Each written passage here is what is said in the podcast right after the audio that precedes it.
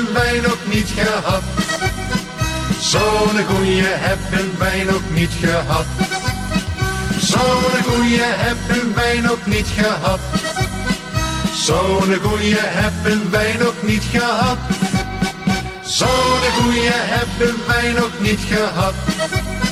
Zo'n goeie hebben wij nog niet gehad. Zo'n goeie hebben wij nog niet gehad. Zo'n goeie hebben wij nog niet gehad. Ja, dames en heren, jongens en meisjes, welkom bij aflevering 132 alweer van de Nare Jongens podcast van Niva Radio met Bas Paternotte en Jan Dijkgraaf. En zo te horen is DJ Paken in het huis. Uh, DJ Paak is aan het warm draaien. Ja, want het is, dit is echt weer zo'n heerlijke dinsdag. Het is echt En de- zo ja, het is mooi. gewoon dinsdagochtend nog maar. Ja. Het, gaat, het is geweldig. Maar we zitten bovenop het nieuws, Bas Paternotte. Mhm. Want vanochtend om drie uur... Zal ik het maar gewoon vertellen zoals ik het in de vergadering net vertelde? Ja, vertel me. Vanochtend om drie uur moest ik poepen. Dus ik mijn nest uit, telefoon mee, brilletje opzetten. En ik denk, hé, hey, gisteren die nieuwsbrief van Pieter Omtzigt gehad. Eh, allemaal namen die ik wel snap, maar eentje niet. De woordvoerder Onno Aarde. Want ik ken Onno Aarde als een soort Volt D66-mannetje. Ik ga eens even die timeline doorscrollen. Ik neem aan dat hij alle vervelende tweets wel heeft verwijderd. Want zo is zo'n man als Onno Aarde. Eh, maar misschien niet. Dus ik zit daar gewoon een half uur op de play. En ik zit maar te screenshotten. Joh, BBB dit, Timmermans dat. eh, BBB zus, BBB zo. Nou, het ging maar door. Dus ik denk, nou, briefje is het allemaal niet waard. Want hoe de fuck is Onno Aarde? Niemand kent Onno Aarde. En om nou weer te zeggen, Pieter Omtzigt, wat heb je nou toch binnengehaald? Eh dacht ik, nee, ik doe gewoon 99 woorden. En daarin doe ik een link naar één tweet. En op het moment dat ik die negen... dat? Ja, dat was de tweet waarin hij. eh, eh, ja, welke tweet was dat? Jezus, man. Ik heb er zoveel. Oh, Bas. Het is nog vroeg, het is nog vroeg. Maar. eh, ja, de, gewoon de belangrijkste tweet. Even kijken. Daar komt hij. Boerburgerbeweging is een gezwel dat kwetsbare democratie van binnenuit kapot vreet. Ja. Nou, die tweet. Maar er waren nog veel meer. Eh, het ging maar door. Dus om een uur of zeven publiceer ik die 99 woorden. Met als kop omzichts mannetje. En ik denk, ik check nog even of die tweet er nog staat. En de tweet was weg. Dus Onno Aarde heeft ergens tussen drie uur toen ik begon met poepen... en zeven uur toen ik die tweet publiceerde... heeft hij die ene tweet verwijderd. Een beginnersfout. Dat het al bekend is dat je een baan krijgt... En dat je dan je tweets nog moet gaan verwijderen. Als, Ja. je, al- als je als een dom mannetje tweets hebt gemaakt die je zou moeten verwijderen. Ja. Nou, eh, Onno Aarde zit in de trein naar, eh, naar, naar Den Haag voor zijn eerste werkdag. Heel veel zin in, bla bla bla bla bla. Een nieuw sociaal contract is maar net begonnen, bla bla bla bla bla. Holla die. Nou, en wat gebeurt er? Precies drie uur later, Onno Aarde twittert... Pieter Omzicht en ik zijn tot de conclusie gekomen dat het beter voor een nieuw sociaal contract is als ik geen woordvoerder meer van nieuw sociaal contract ben. en toen dacht Jan Dijkgraaf, Zo'n goeie hebben wij nog niet gehad.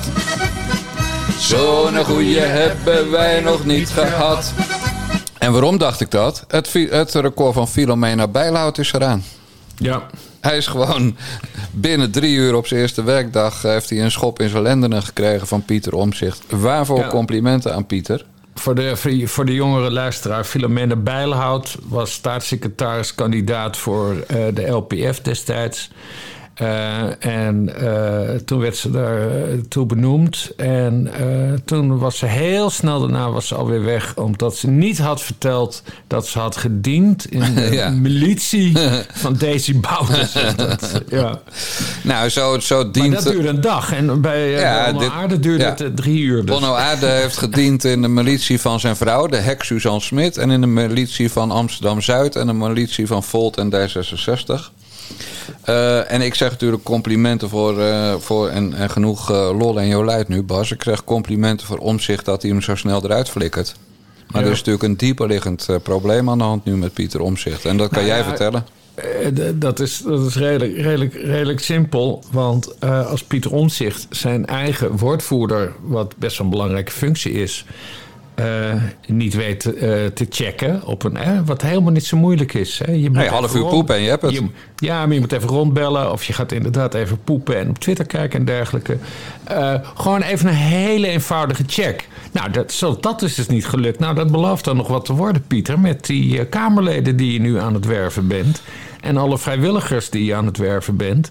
Hè, want er hebben, er hebben duizend mensen hebben zich aangemeld om, eh, om Kamerlid te willen worden. Maar er zijn nog meer die ook vrijwilliger willen worden. Andersom. V- 2400 willen Kamerlid worden en 1000 vrijwilligers. Oké, nou, dan heb ik die cijfers door de war gehaald. Maar goed, dat moet je dus wel even gaan checken. Maar eh, als het met je woordvoerder al niet lukt... nou, ik hou me hard vast. Dat belooft nog wat te worden. Ja, dit is echt heel zorgwekkend voor de aanhangers van Pieter Omtzigt. En, Ja. en ik zag vanochtend ook best wel veel tweets van mensen die zeiden... nou, ik twijfelde nog, maar nu weet ik het. Ik ga niet op NRC stemmen. Nou, misschien Ja. kort door de bocht, maar dat is wel hoe het werkt. Hè? Partijen liggen zo dicht bij elkaar. Dus er Ja. zijn heel veel mensen die twijfelen tussen BBB en, eh en Omtzigt. Of misschien Ja. wel PVV en Omtzigt. Ja, en die zeggen nu gewoon... nee, maar eh, daarom... En, en je, wil, je wil gewoon niet dat, je, dat, je, dat, je, dat dit soort tweets over gezwellen... eh, om, omhoog, om, omhoog komen van je, van je woordvoerder. Ik zag trouwens... Oh ja, nee, dat allereerst. Daar moest ik erg hard om lachen. Eh Caroline van der Plas heeft hem gefeliciteerd. Hè? Ja, van, nou, ja. gefeliciteerd met je nieuwe job. Denk alleen wel dat we even moeten praten. Ja, heerlijk. Ja. En eh, nee, dat vond ik, dat vond ik wel heel mooi. Eh, alleen, eh, je ziet nu hè, onder zijn, eh, zijn tweet, waar steeds meer berichten onder verschijnen, van, ook van steun. Ik zie er ook wat D66'ers eh, tussen staan. Hè, die zeggen van, oh mijn god, wat- erg, wat kut voor je. Ja. En ja, je moet dus weg omdat je kritiek had op Caroline van der Plas. Wat schandalig, wat schandalig. Wat die D66'ers schijnbaar zijn vergeten, is dat ze zelf eh onder aarde wilden cancelen. Eh, eh, want dat kan ik me nog herinneren. Dat is trouwens ook op Twitter uitgevochten. Hij had toen in april 2021. Eh, toen, eh, toen Sigrid Kaag zo ontzettend aan het blunderen was met, eh, met die Van Drimmel-affaire. Toen heeft hij gezegd van, nou ja, ik geloof niet dat Sigrid Kaag erg nieuw leiderschap toont in dit Van Drimmelen-schandaal. Hè, omdat ze het onder de pet had gehouden en dergelijke. En de, en de afwikkeling verliep ook, ook heel slecht. Nou, en toen had je moeten zien wat er op Twitter gebeurde met die D66'ers. Woedend waren ze. En die Ja. begonnen tegen onderaarde te schreeuwen. Ja, vrouwenhaat, vrouwenhaat, Oh ja, vrouwenhaat. Ja. Nou ja, die D66'ers nemen het nu voor hem op. Dus dan zie je ook hoe, hoe dat in dat wereldje werkt. Het grootste probleem is natuurlijk onder aarde zelf. Eh, het is een beetje een glijer. Een, een beetje een glijer. een snot. Je, nou, maar je weet niet wat je aan hem hebt. Het, is, het is een emmer snot met heel misschien nog een paling erin. Ja, dat moet je heel goed zoeken. Ja. Nee, maar Nee, want, want, nee, want hè, eh, eh, we, we hebben even in, in, het, eh, in het archief zijn we gedoken. En toen, toen vonden we in een mapje vanmorgen... dat hij in 2010 dat hij nog VVD-Kamerlid wilde worden. ja, hij stond 6 of 47 op de lijst. Ja. En, en toen werd hij het niet. En bij de volgende verkiezing hoefden ze hem niet... omdat ze er genoeg in Amsterdam hadden. ja. Toen heeft hij zijn lidmaatschap opgezegd. 2017 dus. ja. Ja, het leek dus wel. En hij was ontdekt omdat hij ergens stond eh, op een borrel of zo, stond hij te bazelen. En toen was er iemand van de, van de permanente scoutingcommissie van de VVD die hem gescout had. Nou ja. Ja. Eh, weekenden doorgebracht in Bilderberg hotels om allemaal QA's uit zijn kop te leren en eh, trainingen te doen. Ja, nou, dan word je dus nummer 647 op de lijst. ja. Ik durf wel te beweren dat ik veel hoger zou staan als ik ooit de politiek in wilde. Ik denk 46 plaatsen. Eh, denk je niet? Op de kandidatenlijst? Ik zou zomaar lijsttrekker kunnen worden Ja, dan. precies. Maar goed, eh been there, done that, zoals ze zeggen. Eh, Nee, maar goed, een, een VVD'er. Maar goed, waarom is hij nou zo veranderd? Want het was gewoon echt een liberale jongen. Omdat hij samen is met die Suzanne Smit. En omdat hij van het Gooi, ver- waar natuurlijk eh, best wel veel liberalen wonen... verhuisde naar Amsterdam-Zuid, waar veel Volt en D66 bakfietsers wonen. Nou, je, je wijf zal maar hek zijn. Ik bedoel, lekker dan. ja. En, en het, is, ja, het is een beroepslijnbal. Ik zal één voorbeeld noemen. Laten we zeggen dat hij de laatste tien jaar vier boekjes heeft geschreven. En daar heb ik toch zeker, eh, nou laat, ik- laat ik het heel laag inschatten, acht keer een tweet van hem gehad. Wil je even mijn boek eh, pluggen? Eh, Je kent dat wel, hè? dat soort types. Ja, Nou, een DM. nou, dan krijg je een DM. Ja. Heb ik ook van hem gehad. ja, maar nou heb ik dus 50 boeken geschreven in diezelfde Ja. periode. En hoe vaak denk je dat hij mij geretweet heeft? Ja. Nul. Ja, ja, precies. Maar je hebt er ook niet om gevraagd. Nee, maar dat zou dus onder vrienden, hè? Ja. Vrienden vraag je zulke dingen. Zou dat ook niet nodig moeten zijn dat je dat vraagt? Dan zou hij dat gewoon uit zichzelf doen. Ja, nee, hij, hij komt eens in de zoveel tijd komt hij in mijn leven voorbij. Eh, de eerste keer dat ik hem zag was in, eh, in september eh, 1995. Die datum weet ik zo goed, omdat dat, eh, dat was een van de eerste dagen dat ik in Utrecht woonde en op de school van journalistiek kwam. En hij was daar docent en daar heb ik hem toen voor het eerst gesproken. Dat was op, het, eh, op een of ander feest. Er werd alleen maar gefeest op die scho- school. Dat was echt bizar. Eh, toen heb ik hem dus voor het eerst ontmoet. En eh, nou ja, zo hou je af en toe een beetje contact. Hij heeft mij ook wel eens een DM gestuurd van... wil je mijn boek pluggen op Twitter? En dan zei ik, ja nee, prima Onno. Maar stuur mij eerst even een eh, exemplaar. Dat ik kreeg wil je wel, niet. Ik, ik wil wel weten wat ik plug. Zei, Ja. eh, prima, doe jij de rest, dan komt het eraan. Nooit gezien. Nee, zo'n type, joh. Dus ja, Een dus Roxanne van Hyper is dat. ja, maar dan ga, ja, maar dan ga ik... eh, Dan ga, oh, dit- doet Roxanne Ja, die doet dat ook, zo? ja. Nou ja, dan ga ik dus niet je boek, je boek pluggen. Nee, natuurlijk niet. Maar goed, ja, hij is, hij, is, maar hij is mij niet helemaal onsympathiek. Ik kwam hem, ik kwam hem, de laatste keer dat ik hem sprak, dat is nu enkele jaren terug. Eh, ik was toen, eh, hè, ik, ik mag graag op Lauswold komen in, in Friesland, zoals je weet. En ik was daar aan het, eh, ik was daar aan het lunchen. En toevallig zag ik Cor van Zadelhof, de vastgoedman. Die was daar ook aan het, aan het lunchen. Cor van Zadelhof, hele mooie baas. Hij heeft dan van die enorme Nike sneakers aan. Met op de linker een C en op de rechter een Z op de achterkant. Dus die heeft gepersonaliseerde Nike sneakers. Vind ik mooi. Maar toen kwam dus opeens onder aarde binnen, binnenlopen. Ik zeg, Olle, wat doe jij hier? Hij zei, ja, nee, meneer, eh, meneer Van Zadelhof heeft mij ontboden. maar hij wilde niet zeggen wat er precies aan de hand was. Maar mijn gok was dat hij met een biografie bezig is... of was over Cor van Zadelhof. Dat En, zou eh, dan maar eigenlijk een boek worden wat scoort van hem. Nou ja, sowieso Cor van Zadelhof, interessante Ja, vent. Een van de grootste, eh, bekendste klassieke vastgoedmannen in, eh, in het land. Maar dat is alweer een paar jaar geleden. En ja, twee, twee, twee jaar geleden, Ja, dan drie jaar komt dat geleden. boek er niet. Dan komt nou, dat- dat, dus dat boek dat is dan niet, eh, niet gekomen. Nee, dat zal Maar Mark goed, dat vind- denken. dus, ja, nou ja, zo, zo ken ik hem dus een beetje. Maar wat mij opviel, eh, want mensen, wij, wij vergaderen echt over deze podcast. Wat jij in de vergadering eh, te berde bracht, moeten we ook even aan de luisteraar vertellen. Hij is woordvoerder van Veilig Thuis. Ja, en Veilig Thuis was dit weekend in het nieuws. Omdat de politie bij eh, mogelijke misdrijven... eh, waarbij kinderen betrokken zijn... altijd een melding maakt bij Veilig Thuis. Dan kan bijvoorbeeld jeugdzorg de, de thuissituatie gaan bekijken. En dat heeft de politie dus dit weekend gedaan... bij die, die moeders die volstrekt onverantwoord... eh, hun kinderen meenamen naar de, de A12 om daar Ja. illegaal te demonstreren. En dus het risico te lopen dood geworden te worden geschoten met een waterkanon door de politie. Want de politie was volgens die linkse mensen heel agressief. Ja. Eh, nou, en daar is dus melding van gemaakt. En toen zei Veilig Thuis, de woordvoerder van Veilig Thuis, die zei... Nou, je gaat Veilig Thuis niks mee doen hoor, want demonstreren is helemaal, eh, kan helemaal geen kwaad. En wie is die woordvoerder? Dat is Onno Aarde. Aarde, ja. Ja, en Onno Aarde zijn timeline kwam ik dus eh, tijdens de tweede helft van mijn poepsessie vannacht... kwam ik dus tegen dat die Hanna Prins, dat is die juriste... die een beetje de woordvoerder is van het klimaattuig... Ja, en die de hele wereld rondreist, dat vrouwtje... dat Hanna Prins noemde die een heldin. Ja. Dus los van dat hij de boeren afzeikt... en ook demonstrerende boeren moesten, moesten maar meteen van hun terrein worden geflikkerd... Hè, moesten van hun, eh, van hun bedrijf eh, worden... eh, hun bedrijf moest worden ontnomen... Ja. Maar nee, Hanna Prins was zijn heldin. Dus de woordvoerder van Veilig Thuis, hè, dat was dus een andere snabbel van hem blijkbaar. Ja, die zit gewoon eventjes te bepalen dat de politie geen aangifte moet doen of melding moet maken van kinderen die in een Ja. onveilige situatie komen. Terwijl dat de core business van Veilig Thuis is om daar wel onderzoek naar te doen. Ja, en Maar goed. Ja, maar eh, nog even iets over die Hanna Prins. en die hij dus een, held, een heldin vindt. Eh, weet je nog dat vorig jaar was er zo'n politiek café, of weet ik veel hoe, hoe ze het noemen, in, in Amsterdam. Eh, zouden ze organiseren eh, over mag je als klimaatactivist eh, geweld gebruiken. Ja, Hè? Daar gingen ze, gingen ze Ja. over geweld fantaseren. Wat- met Suzanne Kreuger van de ja, GroenLinks. precies. Met Susanne Kreuger. Wat nooit zo, wat nooit zo slim is, hè, omdat we een politieke moord in dit land hebben eh, gehad, ge- uitgevoerd door de klimaatterrorist Volkert van de Graaf. Maar goed, eh, dat werd georganiseerd door een club. Ik weet niet meer of hoe die heet. Maar die club die heeft een redactie. En wie zit in die redactie? Hanna Prins. Ja. Dus zo zie je hoe dat, hè, die hele spekkoek, dat hele netwerk van extreem linkse mensen. Hanna Prins die wilde dus een serieus gesprek over het toepassen van geweld door de eigen organisatie, Ja. Extinction Rebellion.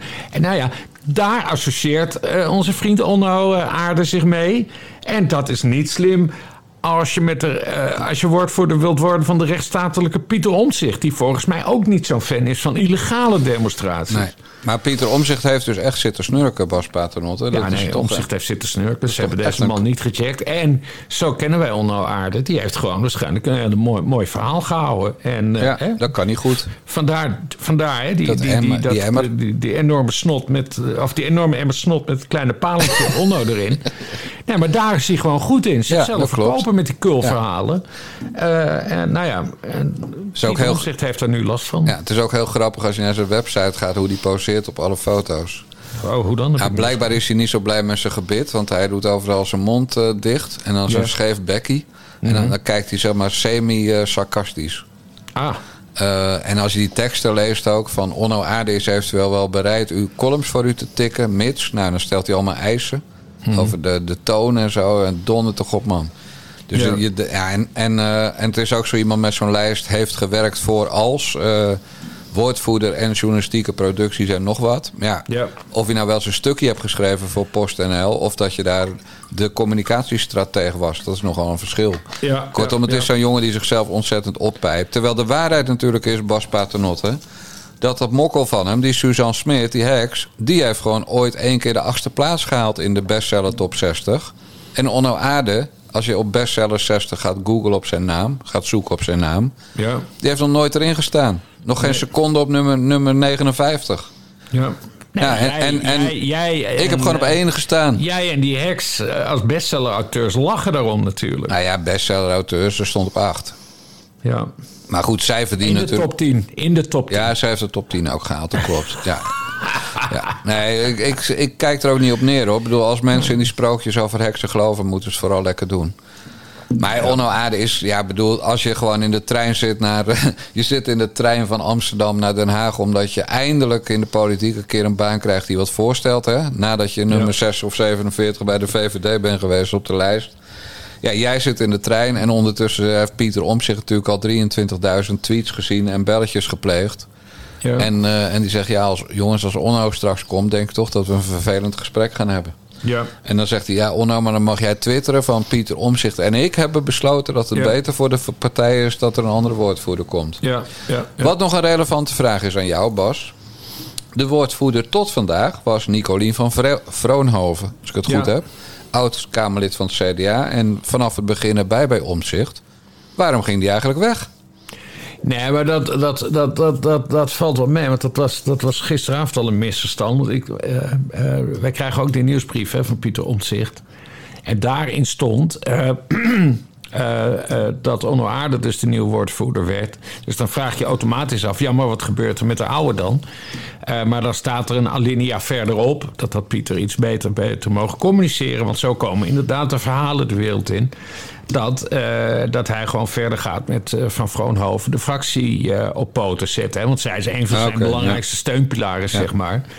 Dus zij, zij blijft gewoon bij de hele toestand betrokken. Alleen, ze, ze wilde schijnbaar dus een, een losse woordvoerder hebben nu. Maar dat betekent niet dat zij...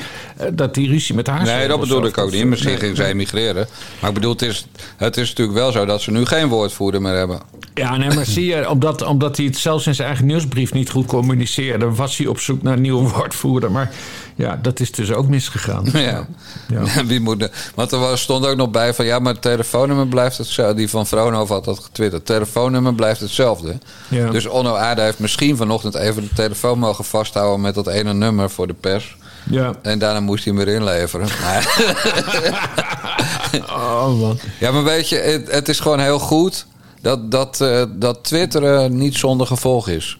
Dat als je iets op Twitter zet, dat je, dat je ook gewoon het eh, in je bek terug kan krijgen. Dat Ja, vind ik echt heel kijk, goed. Het, het, heeft een, het heeft een zuiverende werking. Ja. Alleen, eh, een, be- een, een beetje, eh, een beetje vooral Pieter Omtzigt, die toch, enige, van, die toch enige ervaring heeft in Den Haag.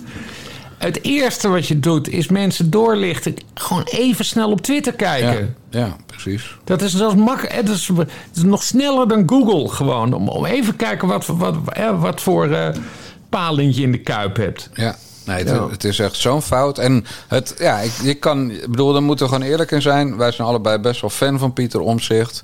Maar het vertrouwen dat zijn kandidatenlijst secuurder wordt, wordt vastgesteld, ja, dat kan helemaal niet groot zijn. Misschien wel voor de eerste twintig namen.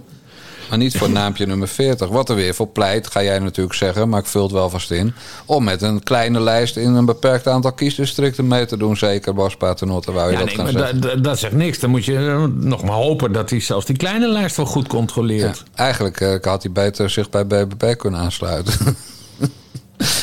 Ja. Nee, weet ik niet. Nee, maar daarvoor, daarvoor verschillen ze juist Ja, dat weet ik wel. te veel. Nee, maar dat is ook helemaal niet erg. Dus, uh, Maar ze verschillen weer niet zoveel dat, uh, dat Pieter Omtzigt BBB een gezwel zou noemen. nee, nee, nee. En wat natuurlijk het grappige is, al in het kader van dat geslijmbal van die onno-aarde... hij heeft niet eens die woorden zelf verzonnen van dat gezwel.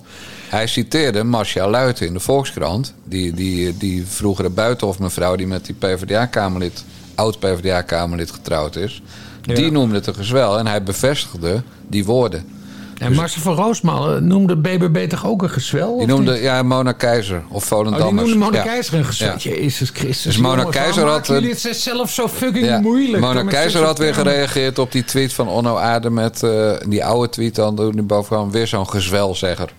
En dan met een soort eh, smiley. Ja, Ja. dus, dus ik zei tegen Thea van zelfs ik ben niet zo dom om met kanker te strooien. Nee, maar, eh, Jij wel, hè, toen je nog dronk.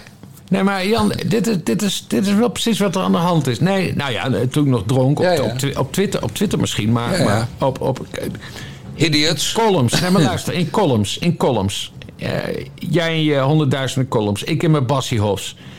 Ik heb nog nooit de politicus van welke kunnen dan ook een, ge- een gezwel genoemd. Nee, wel gevonden, maar nooit geschreven. Nee, precies. Ja, zo werkt omdat, dat. Omdat, omdat je dan eh, afbreuk doet aan je eigenlijke boodschap. Hè? Ja. Dat je iemand gewoon eh, dat je een lul vindt en dat hij ongeschikt is voor zijn positie. Zoiets. Maar, maar om hem dan een gezwel te noemen. Nee, maar dan moet je. Nee, klopt. Maar, maar die net deftige Marcel Luiten, die heeft daar dus geen Ja. enkele moeite mee. Nee. Eh, en, en Onno Aarde en Marcel van Roosmalen. en Marcel van Roosmalen heeft er geen enkele moeite mee. Onder Aarde heeft er geen enkele moeite. Dit zijn dus de, de lui die zichzelf zien als, als de deftige, nou niet de deftige, maar als de beschaafde eh, bovenlaag. Ja, en wij zijn En dan dom noem je iemand een gezwel. Ja, dat is gewoon heel erg dom. Nee. Ik zou wel een partij een gezwel kunnen noemen. En dan moet ik zeggen dat, dat de chemotherapie bij D66 keihard aanslaat, gelukkig. Ze worden heel klein. Ja. Maar goed, genoeg over Onno Aarde. Leuk man. We hebben, het- ik weet zeker, hè, dit is de twee- 132e aflevering van de Na de Jongens podcast... dat de kans 99,99% is dat we het nooit meer over Onno Aarde hoeven te hebben. Dat denk ik. Ja. En dat is fijn. Ik bedoel, hij kwam, hij zag en hij werd weggestuurd. Ja, ja, ja. ja, Vene, Vidi, nog wat. Ja, nee, het is een hele overzichtelijke Ja. politieke carrière. En daar Ja. hou ik van, dat het overzichtelijk is. Toen wij begonnen met vergaderen vanochtend was het... nou, we gaan eventjes een, een Soumaya Sala doen. We gaan net zo lang over Onno Aarde door tot hij opgezout is. En we moesten op beginnen met de opnames en hij was al ontslagen. Nou, bij. Soumaya Sala hebben we meer moeite mo- moeten doen. Ja. En over haar zus gaan we het zo meteen nog even hebben bij D66. Maar eerst dit. Welkom bij de avondshow. Mijn naam is Arjen Lubach. We gaan meteen naar Den Haag. Want weet je wat ik fijn vind? Ik ben eindelijk een beetje aan alle gezichten gewend. Hè?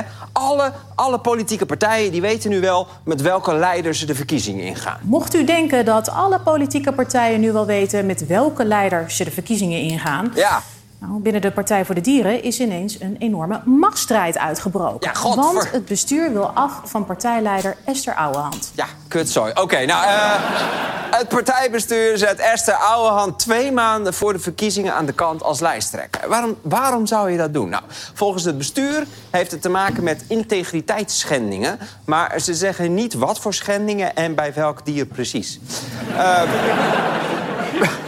Ouwehand zelf die zegt dat ze van niks weet... maar dat ze wel net een boze brief aan het bestuur had geschreven. Wat stond daar dan in? Vier pagina's vol kritiek op datzelfde partijbestuur. Dat het niet functioneert, dat het niet democratisch genoeg is... dat ze niet professioneel genoeg zijn. En Esther Ouwehand zegt in een reactie dat zij niks weet van een integriteitsschending... Ja, dat, dat is even slikken inderdaad. En niemand weet nog hoe het zit, maar het goede nieuws is dat ze later deze week bij college toe zit. Hè? Dus dan komen we in ieder geval te weten of ze onmaagd is op een nummer van Megadeth... en of haar oude bovenbuurvrouw trots op haar. Ja, nou, ik denk, we doen me even een beetje luchtiger. Want het is ook zo'n tranendal daar. Wat is de stand van zaken? Eh, ja, nou, de Partij voor de Dieren, het, het, het, het partijbestuur is nog steeds voornemens eh, deze week een kandidaat lijsttrekker eh, voor te dragen aan het, eh, aan het verzamelde congres. Mevrouw Versteger of hoe heet ze? Zoiets. Kamerlid. Oh, is dat zo? Ik heb nog helemaal geen naam gehoord of gezien. Nee, maar ik heb zo mijn bronnen. Ah, oké.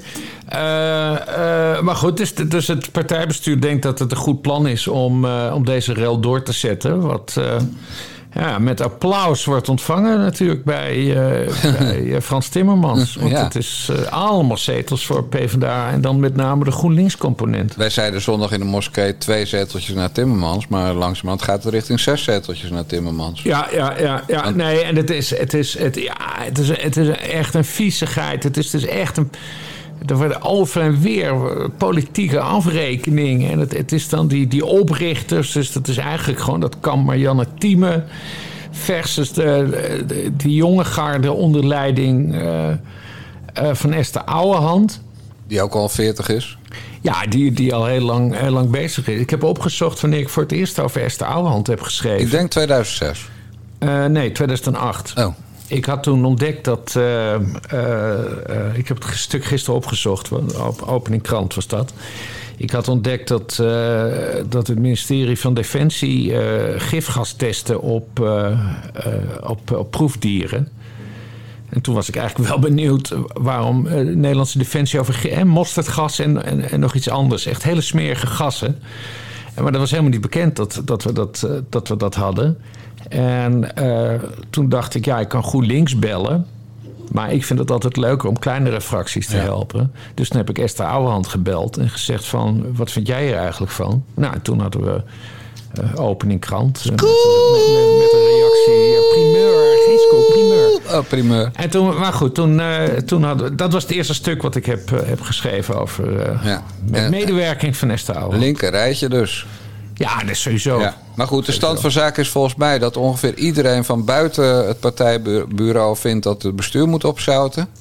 Ja. In elk geval heel veel mensen. Dat in de Tweede Kamerfractie toch een meerderheid neigt naar... nou, als het bestuur blijft zitten willen we nog wel kans maken. Dus we gaan niet te veel achter Esther staan. Eentje staat Ja. maar echt achter haar. Dat is de nummer twee op de lijst, mevrouw Teunissen. Ja. Nou, dan zit er de, de, de man van een van de oprichters van de partij... die zit in de fractie. Nou, Dat die wil, van Raan. Ja, die wil natuurlijk- Lieke Keller. Precies, die wil dus thuis geen gezeik. Dus die kan, Ja. en dat vind ik ook respectabel. Ik bedoel, als je ve- 44 jaar getrouwd bent met dezelfde vrouw, ga je niet om Esther Ouwehand eh, de nek Nee. te redden. Ga je, dat, hè, dat zou wel netjes zijn. Maar Ja. ook een hele dure grap als je in gemeenschap Ja. van goederen bent getrouwd. Ja. Dus dat snap ik. Maar verder zie je, de- zie je de fractie neigen naar. eh, ja, even onze eigen kans afwachten. Nou, nee, die vers- Versteger of hoe ze heet. Vers, nou, weet, pff, nooit van een mens gehoord. Maar die, die eh, zou dus eh, op de nominatie staan om donderdag genomineerd te worden. Maar degene die, die zich kandidaat laat stellen als fractievoorzitter. Dat was nummer één op de lijst, lijsttrekker. Ja, die gaat natuurlijk op het congres of de ledenvergadering of de digitale stemming, hoe ze dat ook doen. Ja. Maar die gaat natuurlijk gigantisch op de bek. Dus Ja. je bent gek als je daar nummer 1 gaat staan en jij het niet Esther Ouwehand. Nee, het gaat nog een enorme toestand worden. Ook omdat je ziet dat al die provinciale en lokale afdelingen ook zeggen van wij zijn voor Esther. Dus nee, het is, eh, het is gewoon, ja, nee, gewoon burgeroorlog. Burgeroorlog Ja. eh, in de partij. Dus, eh, Maar goed, zij- dat boeit ze ook niet, want het gaat hun alleen om de dieren. Nou ja, maar het gaat dus gewoon slecht aflopen. Het is Ja. nu, wat je zei, het is nog maar de vraag of, of ze nog twee zetels overhouden op deze Ja. manier. Oh, wat een bende, man. Ja, en allemaal- Beestenboel, beestenboel. Beste wel. En allemaal naar Timmermans. Dat is gewoon het Allemaal ergste. Timmermans, ja, ja, ja. Want er is geen alternatief voor die mensen. Je st- die stemmen of GroenLinks of ze gaan niet stemmen. ja. Maar het is niet zo dat Pieter Omtzigt nu denkt, eh, denkt van... hé, hey, die kan ik, eh, die kan ik cashen, die kiezers. Nee, het enige, nee, de enige uitwijkmogelijkheid is, eh, is, eh, GroenLinks. is GroenLinks. Ja. Ja. Dus dan gaan ze naar Timmermans of mevrouw Ja. Lalala. Dat kan ook. Nou, genoeg hoor over die Partij voor de Dieren. Daar gaan we het nog Het vaak wordt, zat dat wordt een hebben. bellen met Bassie op een gegeven moment. Want dan gaan natuurlijk. Dit, dit, dit, dit is een soap die nog wel even doorgaat. Ja, zo Dus, is eh, dat. Ja. ja. Nou, we hebben nog een stukje uit op 1 met eh, onze dikke vriend Thomas van Groningen. Eh, Je- Rob Jetten was de gast, maar het begon met Geert Wilders. Ik zie toch echt een wat zachtere Geert Wilders dan vroeger. Ja, misschien is het al het begin van de nestorschap, hè? Hè, Nestor, hè? Rust en wijsheid. Zo is dat. In ieder geval wijsheid. Ja, met dat nestorschap bedoelt hij dat vanaf 6 december, als de nieuwe Tweede Kamer geïnstalleerd wordt. We gaan ervan uit dat de PVV wel meer dan één zetel haalt, dus dat Wilders terugkeert. Ja. Dan is hij het langstzittende Kamerlid, omdat Kees van der Staaij dan niet terugkeert. En dan is hij dus de Nestor van de Tweede Kamer. En het lijkt erop dat hij zich ook zo wil opstellen. Ziet u hem ook zo, Rob Jetten? Nou, hij is het als, als langzittend lid. Ik denk dat Kees van der Staaij, eh, die, die speelt nu wel ook de rol van het rechtsstatelijk geweten van de Tweede Kamer. Die rol zie ik de heer Wilders Nee? niet nemen. Nee. Nee, maar wat, kijk, hier zit nog één ander ding achter. Is, kijk, BBB eh, houdt de deur open naar, eh, naar samenwerken met de PVV. Maar ook de VVD houdt die deur open. Dus wat hier wel speelt, en dat moeten we niet onderschatten... is dat Wilders ook wel doorheeft dat er een kans is... in de peilingen zie je hem nog niet echt... maar is een kans op een rechtskabinet. Hij wil die kans niet verspelen. Dus Wilders Hij gaat deze ga campagne... die gaat geen gekke dingen roepen. Dus we gaan, denk ik, de komende maanden... natuurlijk wel wat campagnetaal van hem horen... maar we gaan een wat rustigere, wat ingetogere Geert Wilders zien de komende tijd. Best interessant of de PVV-kiezer dat ook wil. Ik denk het wel. Maar goed, het gaat even over eh, Rob Jetten natuurlijk. Want in zijn partij is ook de pleuris uitgebroken. Toen de kieslijst bekend werd, of althans conceptkieslijst. Ja. Al die mensen zijn op zaterdag gebeld met... jij staat laag, jij staat laag, jij staat niet ha- laag... jij staat laag, jij staat niet op de lijst. Zo ging het ongeveer. Ja. Zondag crisisoverleg. Jetten zat bij Buitenhof, die kon er niet bij zijn.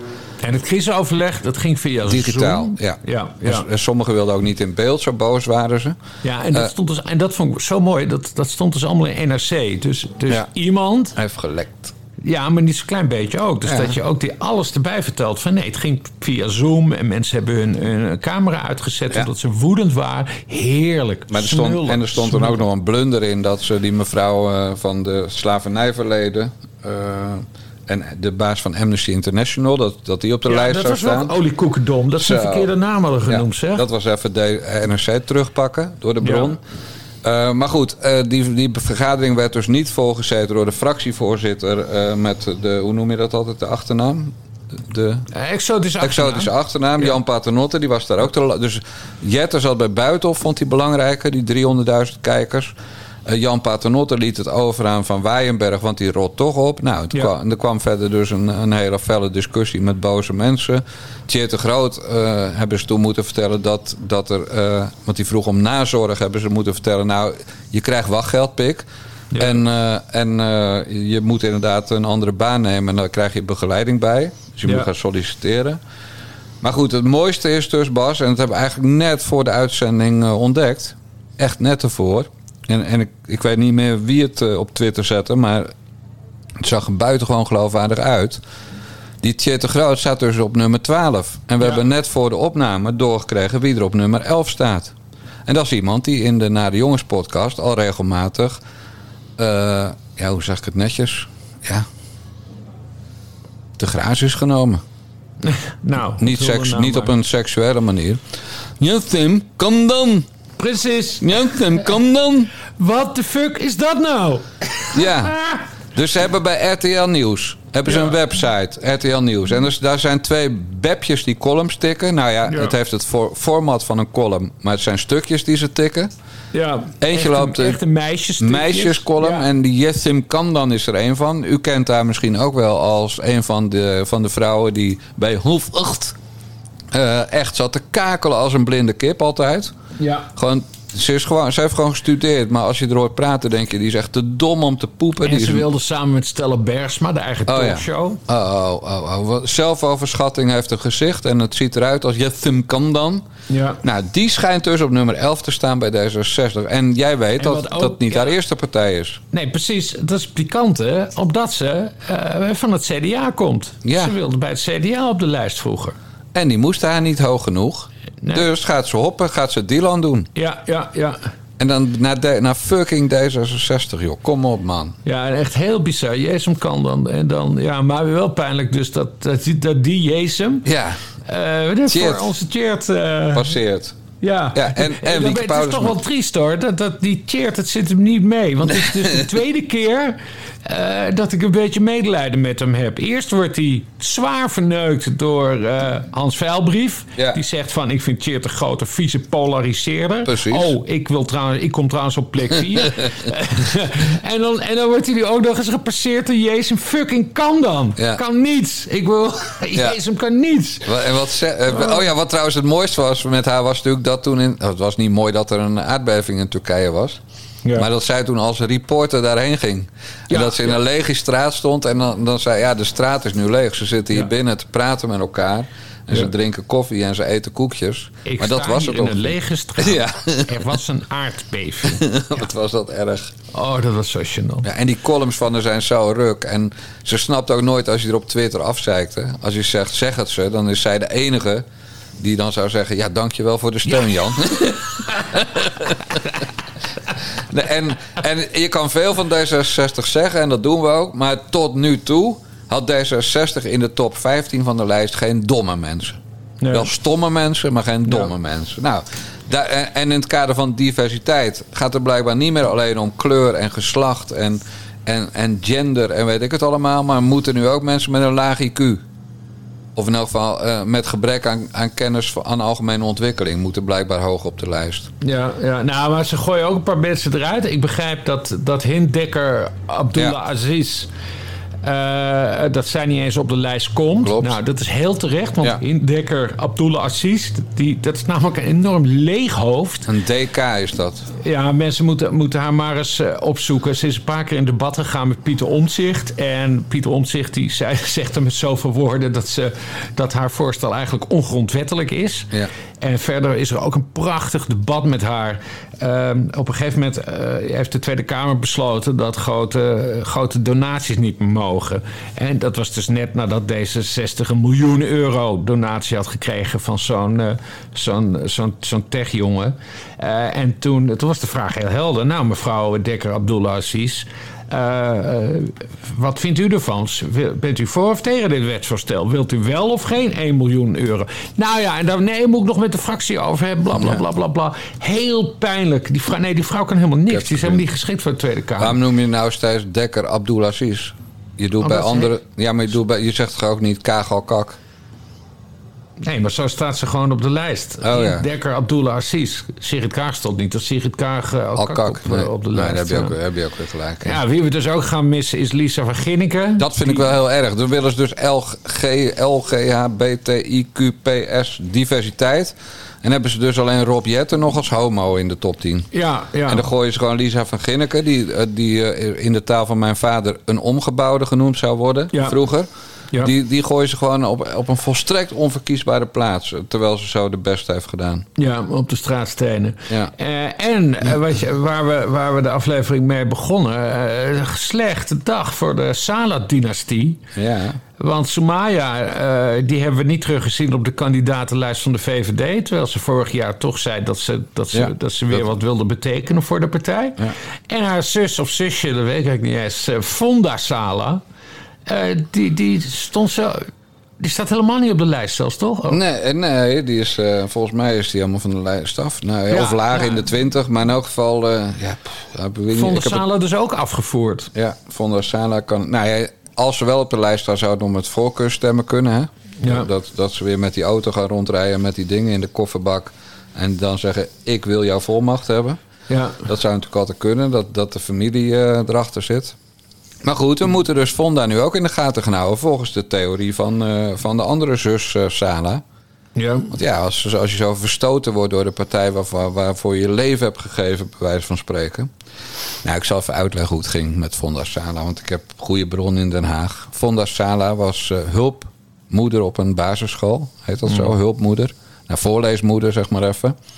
En er was er een bijeenkomst van, van scholen en daar was Fonda Sala ook. En toen zat daar niet van Vroomhoven, maar van, eh, van D66 met dat rode haar. Eh, ze staan een beetje bekend als matras van D66. Ze lusten wel pap van. Ze gaan nu naar Limburg iets doen. Geen idee. Ja, rood, roodachtig haar, krullenbos. Niet, eh niet Sophie in het veld. Een grote naam bij D66. Met rood haar? Ja, roodachtig of bruinig. Echt zo goed dat we dit weer hebben voorbereid. Ja, omdat ik er spontaan op kom. Maar Ja. ze was vorige week nog in het nieuws omdat ze naar Limburg gaat. Maar goed, een soort matras van D66, oud-Kamerlid. Of een staatssecretaris misschien wel. Ja, zoek het maar even op, want anders eh, blijft het allemaal in mijn kop zitten. Heb je hem? Het is ook zo'n Van Huppeldepup naam. Nee, ik zie niks hoor. Zei ik nou... ingetikt D66 Limburg. Nee, Eh, ze komt gewoon uit Den Haag. Ze was Kamerlid in Den Haag en ze zat ook in de scoutingcommissie. En het, was de beste vriendin van Frans van Drimmelen. Ah, dit, dit gaat niet goed. Dit, gaat- dit gaat dit slecht. is- dit knip, gaat heel knip, knip, knip, knip, knip, knip. D66, Kamerlid 2018 ga ik even doen. Het is weer zo'n ojaatje, Bas. Een ojaatje. Hé, die Hint Dekker zat er al pas sinds 2022 in. Ingrid van Engelshoven, zou dat kunnen? Ja, die is het. Ingrid van Engelshoven. Oh, die. De oud-minister van Onderwijs. Oh, Nou, ik zeg niet dat ze een matras is. Het is een vermeend matras. Ja. oh hier, Ingrid van Engelshoven treedt toe tot ra- Raad van Commissarissen van Parkstad Limburg Theaters. Nou, goed. Die bedoel ik Ja, dus. nee, zij was staatssecretaris of minister. Minister van. Onderwijs. Nou, en, ja, en heel lang geleden. Maar zij was... Zij, misschien een Ja, beetje het associatie met... vorig kabinet. Zij was, zij was een vertrouweling van Alexander Pechtold. Ook. Nou goed, en zij was dus een van de scouters voor Pechtold en dus voor Van Drimmelen. En Ja. zij was op die bijeenkomst van die school waar Fonda Sala ook was. Ja. En wat doe je natuurlijk als je in zo'n scoutingcommissie van een politieke partij zit? Dan denk je aan, begin met een D, eindigt op diversiteit. Ja. En Fonda Sala, daar kwamen dus woorden uit die een beetje coherent waren. En toen zei Ingrid van Engelshoven: Wil jij niet in de gemeenteraad in Den Haag? En toen hebben Ja. ze haar hoog op de lijst gezet. En toen kwam ze bij, ook op de lijst voor de Tweede Kamer. Nou, en toen bij zo'n vervanging, dus er ging iemand weg. Toen kwam ze op een gegeven moment aan de beurt. En Ja. toen kwam Fonda Sala in de Tweede Kamer. Maar omdat ze dus als voorleesmoeder een heel klein beetje opviel op een bijeenkomst op een school waar die van Engelshoven was, heeft ze uiteindelijk de Tweede Kamer gehaald. Ja.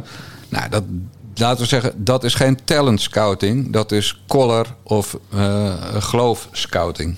Ja, en nu, en nu is het schijnbaar niet meer nodig. Weet je hoe we dat noemen, meneer Dijkgraaf? Dat noemen wij islamofobie. Ja, misbruik maken van, van, een, van een zielig vrouwtje met een hoofddoek. Exact. Ja, en misbruik maken van, Lies, van, eh, van Lise van Ginneken. Ja, Lisa, Lise, wat is het? Lisa. Lisa van Ginneken. Ja. Ja. En die andere naam zei ik net ook fout, van die van Vroonhoven van eh, Omzicht. Had ik ook een Ja. verkeerde voornaam. Maar goed, eh, het, het is vroeg. Het is vroeg. En we hebben natuurlijk nog steeds. eh,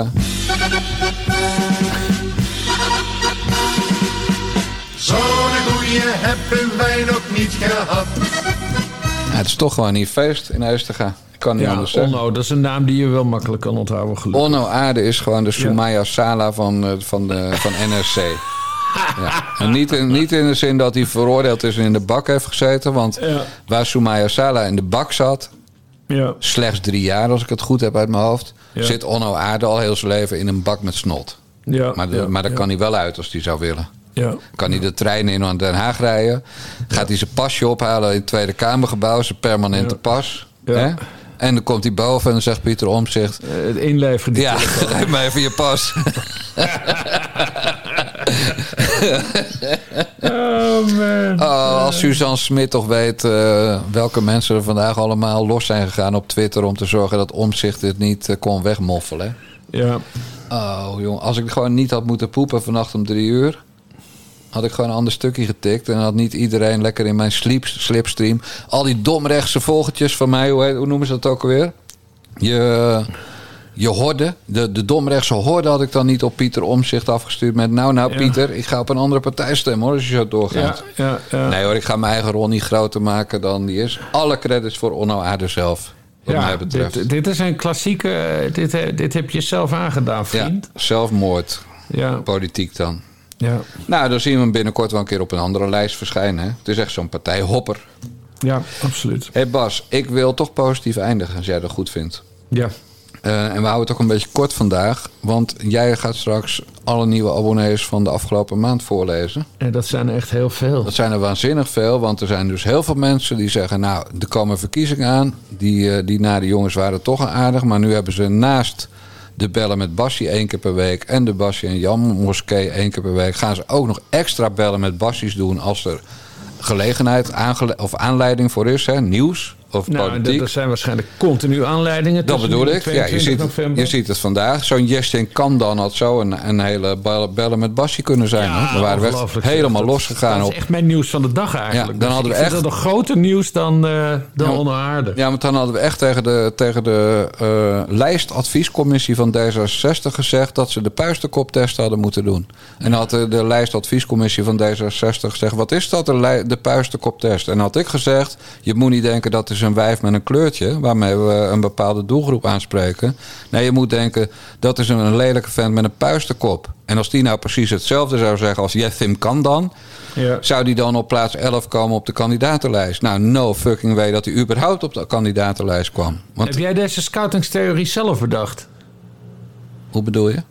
Van die Nou, lelijke eh, puistertest? De, pu- de puisterkoptest. Nee, die, dat zeg ik altijd tegen. eh, dat, dat zeg ik bijvoorbeeld ook tegen fans van eh Sietske Bergsma. Ja. Er zijn mensen ter rechterzijde van het politieke spectrum... die vinden die Sietske Bergsma... die echt Ja. op een schandalige manier... mijn vriend Jan Benning uit de podcast... Ba- bellen, nee, bakkie met Benning en Bergsma heeft geflikkerd. Ja, ja. Eh, er zijn mensen die haar goed vinden. Ja. En dan zeg ik altijd... joh, je moet even de lelijke kerel met puisterkop test doen. Ja. En dan, omdat het rechtse mensen zijn, zeggen ze... Huh? ja. Wat bedoel je? en dan zeg ik, nou, je moet alles wat ze zegt, moet je niet haar koppen bijzien en niet naar de tieten kijken. Maar dan moet je denken, stel nou dat dat een lelijke vent met een puisterkop Ja. was. Zou je dan nog achteraan lopen? Ja, ja, ja, ik vind het een hele goede test die met name op politiek gebied erg, erg makkelijk toe, toe, toe te passen is. Ja, Dus, natuurlijk. eh, ja. Was Sigrid eh, Kaag het geworden met een lelijke kop en een, een lelijke puisterkop en Ja. een leuter? Nee. ja, ja. nee, dat is toch zo? En kleine mannetjes, die komen er ook niet in de politiek. In ieder geval niet in topposities. Die moeten wat langer zijn. Was Lisa van Ginneke het geworden met een puisterkop en een leuter? En oh, wacht. Oh, oh, oh, oh, oh, oh, oh, oh, oh. Nou ben ik zo, zo netjes bezig vandaag en dan ga jij het weer doen, hè? Schandalig, schandalig. Maar goed, ik wilde positief eindigen. En dat doen wij in stilte voor, eh, ja, voor, voor een vriend van de show. Ja.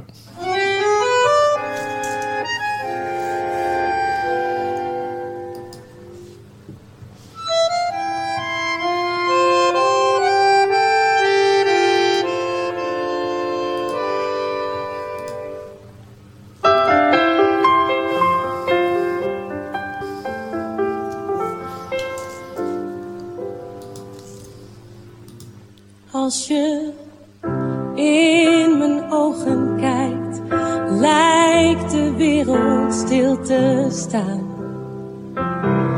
wind houdt op met waaien en bevroren is de maan. Je bent stralend als de zon, je bent volmaakt zo naakt en klein.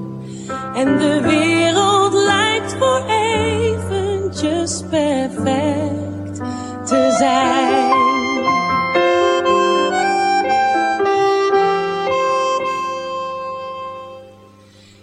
Wist niet dat ik na één blik zoveel van je houden zou. Maar ik weet nu al niet eens meer hoe ik leefde zonder jou. Voor zoveel wezenlijke dingen leek ik blind tot dit moment.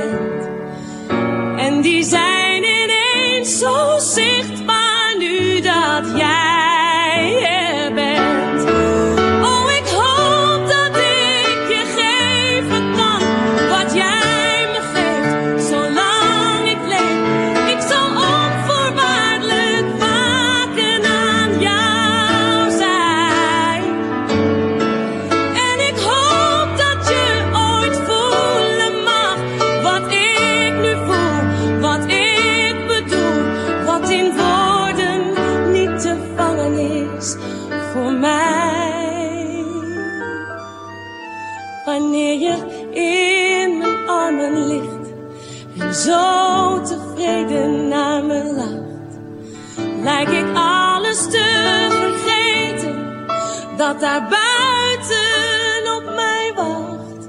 Alle strijd en alle tranen, alle pijn verdwijnt.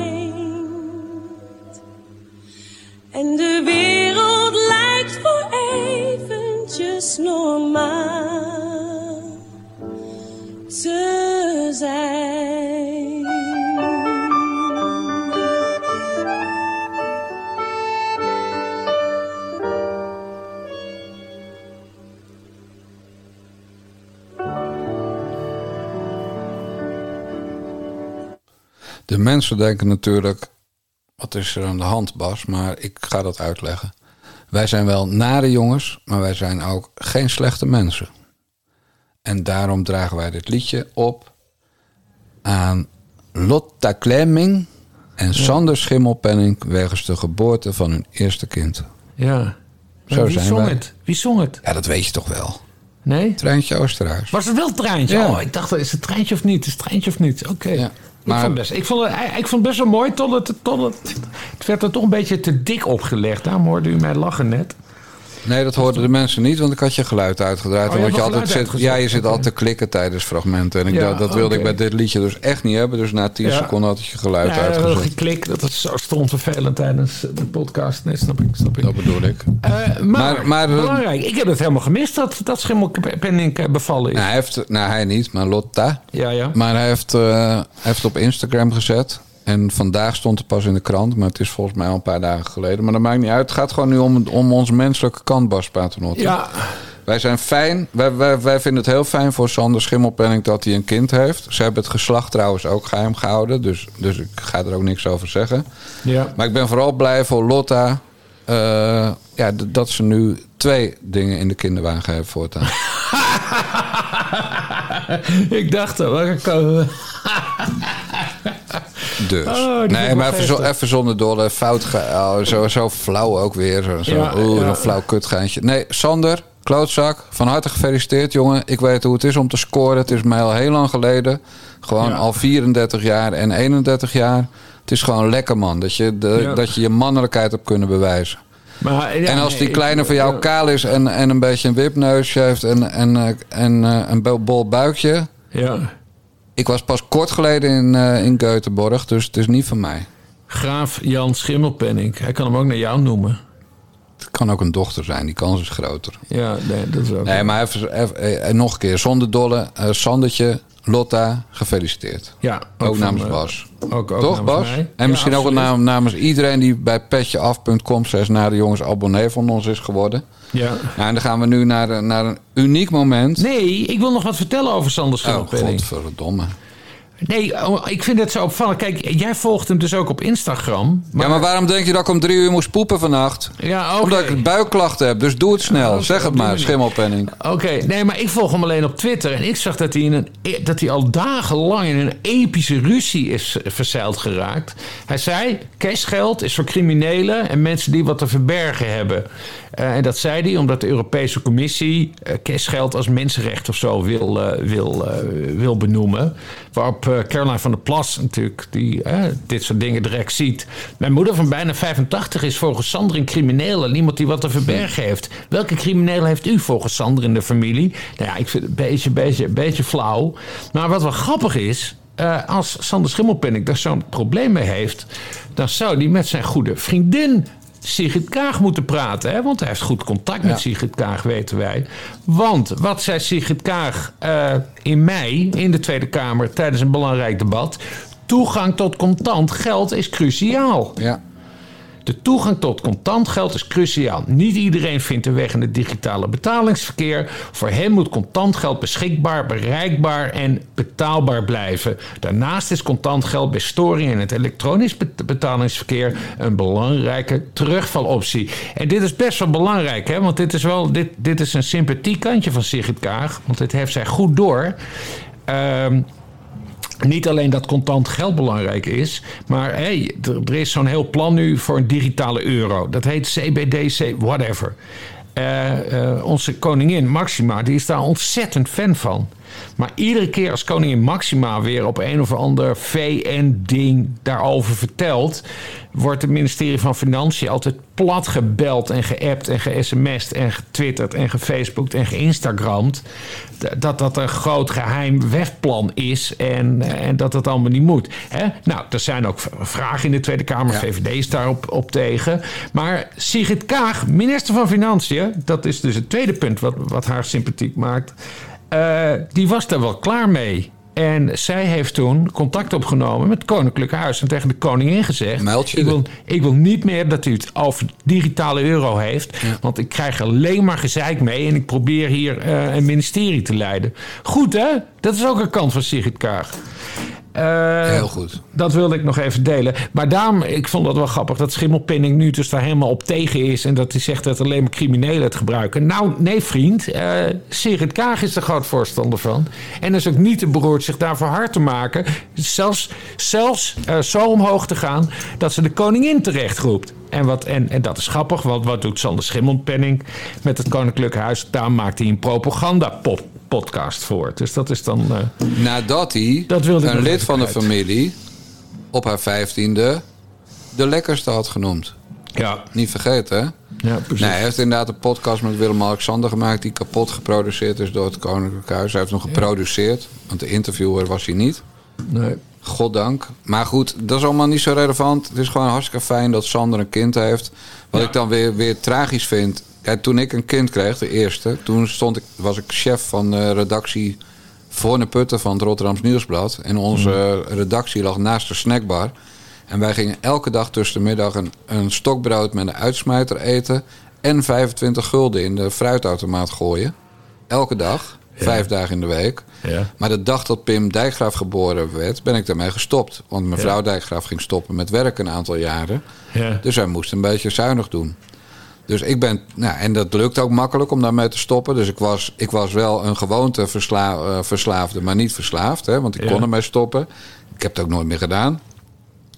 Maar Sander Schimmelpenning, die heeft dat dus niet. Dat, dat op het moment dat er dan een kindje geboren is... dat je dan je foute gedrag gaat aanpassen. Nee, hij blijft gewoon iedereen de tyfus schelden op social media. Ja. Dus, dus die Lotta die ligt daar gewoon nog na te hijgen van, eh, van de worp.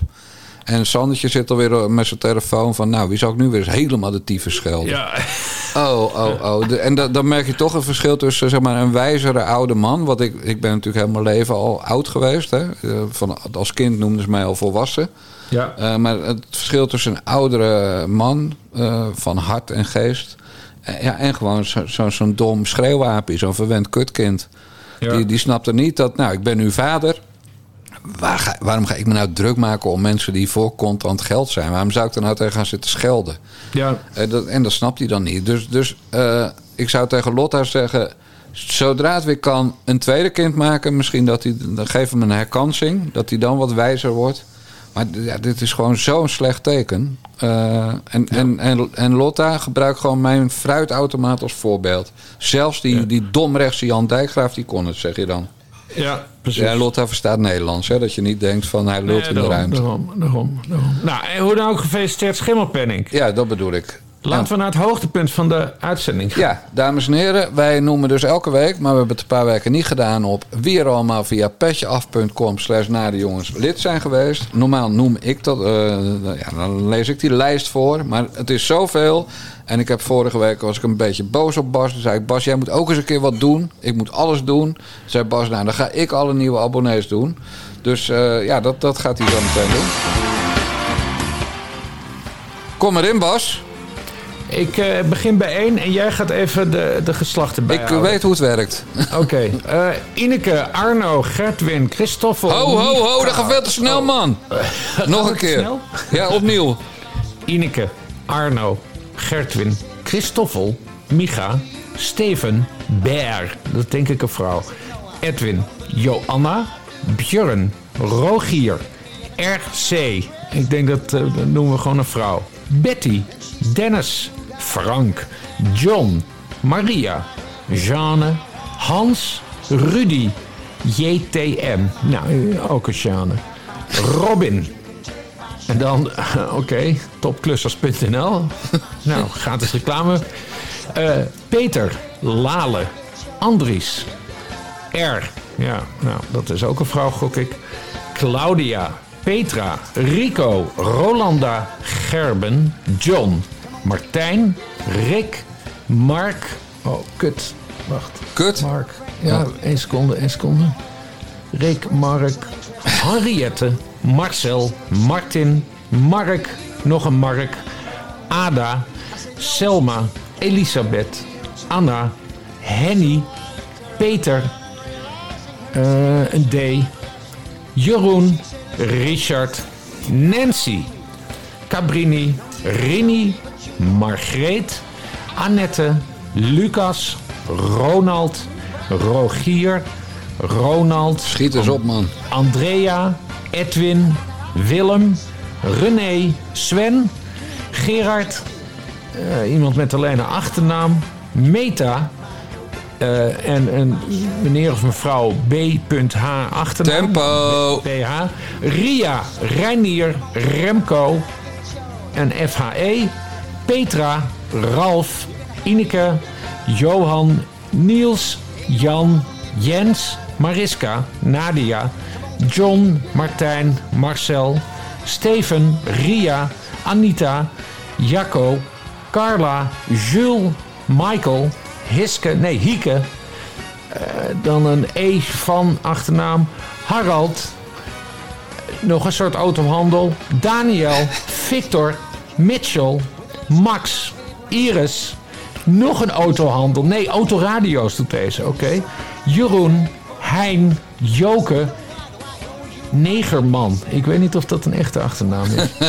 Hanno, Casper, Mariette, Luc, Zeno, Machiel, Pascal, Henny, Nana, Dennis, Henry, Marco, Hidde, Niels, Ton, Helmoet, Rick, Eddy, Jeroen, Inno, Fred, Erwin, Wilma, Martine, Richard, Jasper, Huub, Bart, Jeroen, Stan, Marion, Joep, Gerard, Peter, Leroy, Paula, Paul, Niels, Dave, Nart met een D, Harm, Anke, Marion, Marco, Harry, Mark, Lisbeth, W.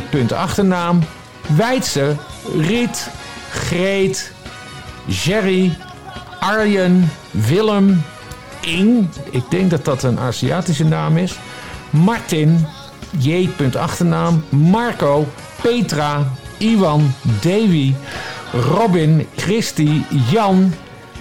Nou, dit is weer een bedrijf. Henk, Vins, Joost, Hans, Onno, hey. Onno. Ben je er bijna of niet?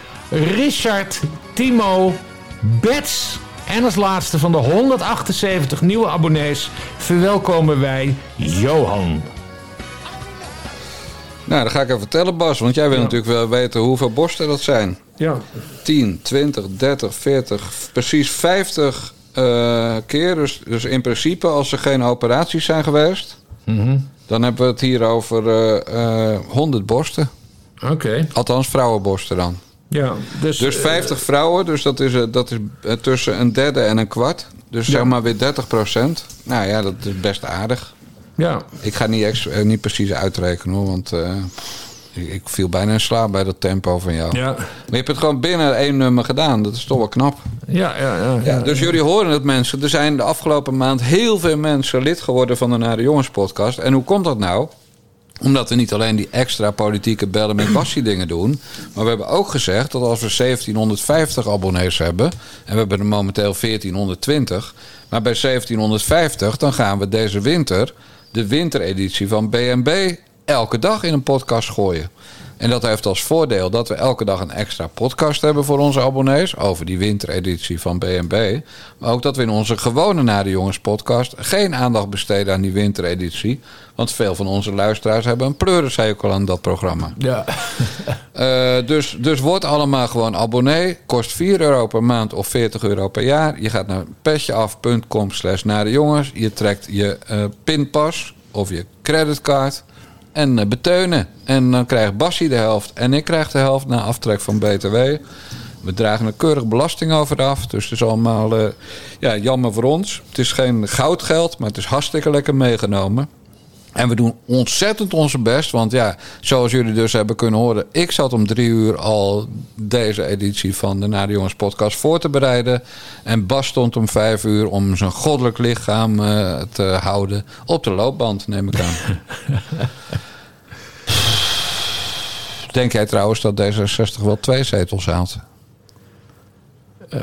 Want anders kan je je neefje een keer voor, voor jou laten invallen als je op vakantie wil of zo. Ja, nee, ik denk, ik, denk, ik, denk dat dat, ik denk dat dat wel goed komt in de zin van D66 heeft een, heeft een, redelijk een, een echte kern van, van stemmers. Nee, dat zijn er Net als vier, Forum. Ja. Vier of vijf zetels of zo. Nou, precies een beetje zoals Forum. Je hebt Ja. altijd, hè, ongeacht wat Baudet nu weer voor iets geks heeft gedaan. Nee, we stemmen op FVD. En zo werkt het ook bij D66. Maakt niet uit, hè, maakt niet uit wat er gebeurt. Hè, dat, ze, dat die islamofoben nu die Fonda Sala eruit hebben gegooid. Maakt niet uit. Wij stemmen op D66. Dus nee, vier, vijf zetels zitten er dan altijd, eh, altijd wel in. En natuurlijk alle volgers op Twitter van Jethim Kanman. Die gaan nu ook D66 stemmen. Oh, dat man, zijn, dat man, zijn er man. 1412. Oh, dat moet echt nog even indalen, zeg. De Jezus kan niks Ja. op de, op de Maar ik, ik D66 gooi die naam er expres nog even in, omdat ik ook even wil disclaimen. Uh, Ik heb natuurlijk dit net voor we begonnen met opnemen gezien op Twitter. Het, het, eh, van iemand die doorgaans betrouwbaar is. Maar het kan dus ook weer, weer een heel fout geintje zijn. Zoals met die, eh die slavernijverleden herstelbetalingen mevrouw. Die dan Oh. op drie zou staan. Dus, Ja. de- dus eh, als het niet waar is, dan geef ik D66 een compliment dat ze er niet in zijn gestonken. Ja. Maar als het wel waar is, ja, dan is dit echt de meest smerige naaistreek die het Tjeer te Groot en, en die Wie- Wieke Wiek, Wieke Paulusma kan aandoen. Dat ze nog na Jessim kan dan op de lijst staan. Ja, Want dat is echt zo'n smerige belediging dan. Ja. Dat vind ik dus, Bas. ja, dat vindt Jan Dijkgraaf. En dat vindt Bas Paternotte ook. Nou, dan, dan sluiten we hiermee af. En ik zeg tegen jou, de mazzel. Doei doei.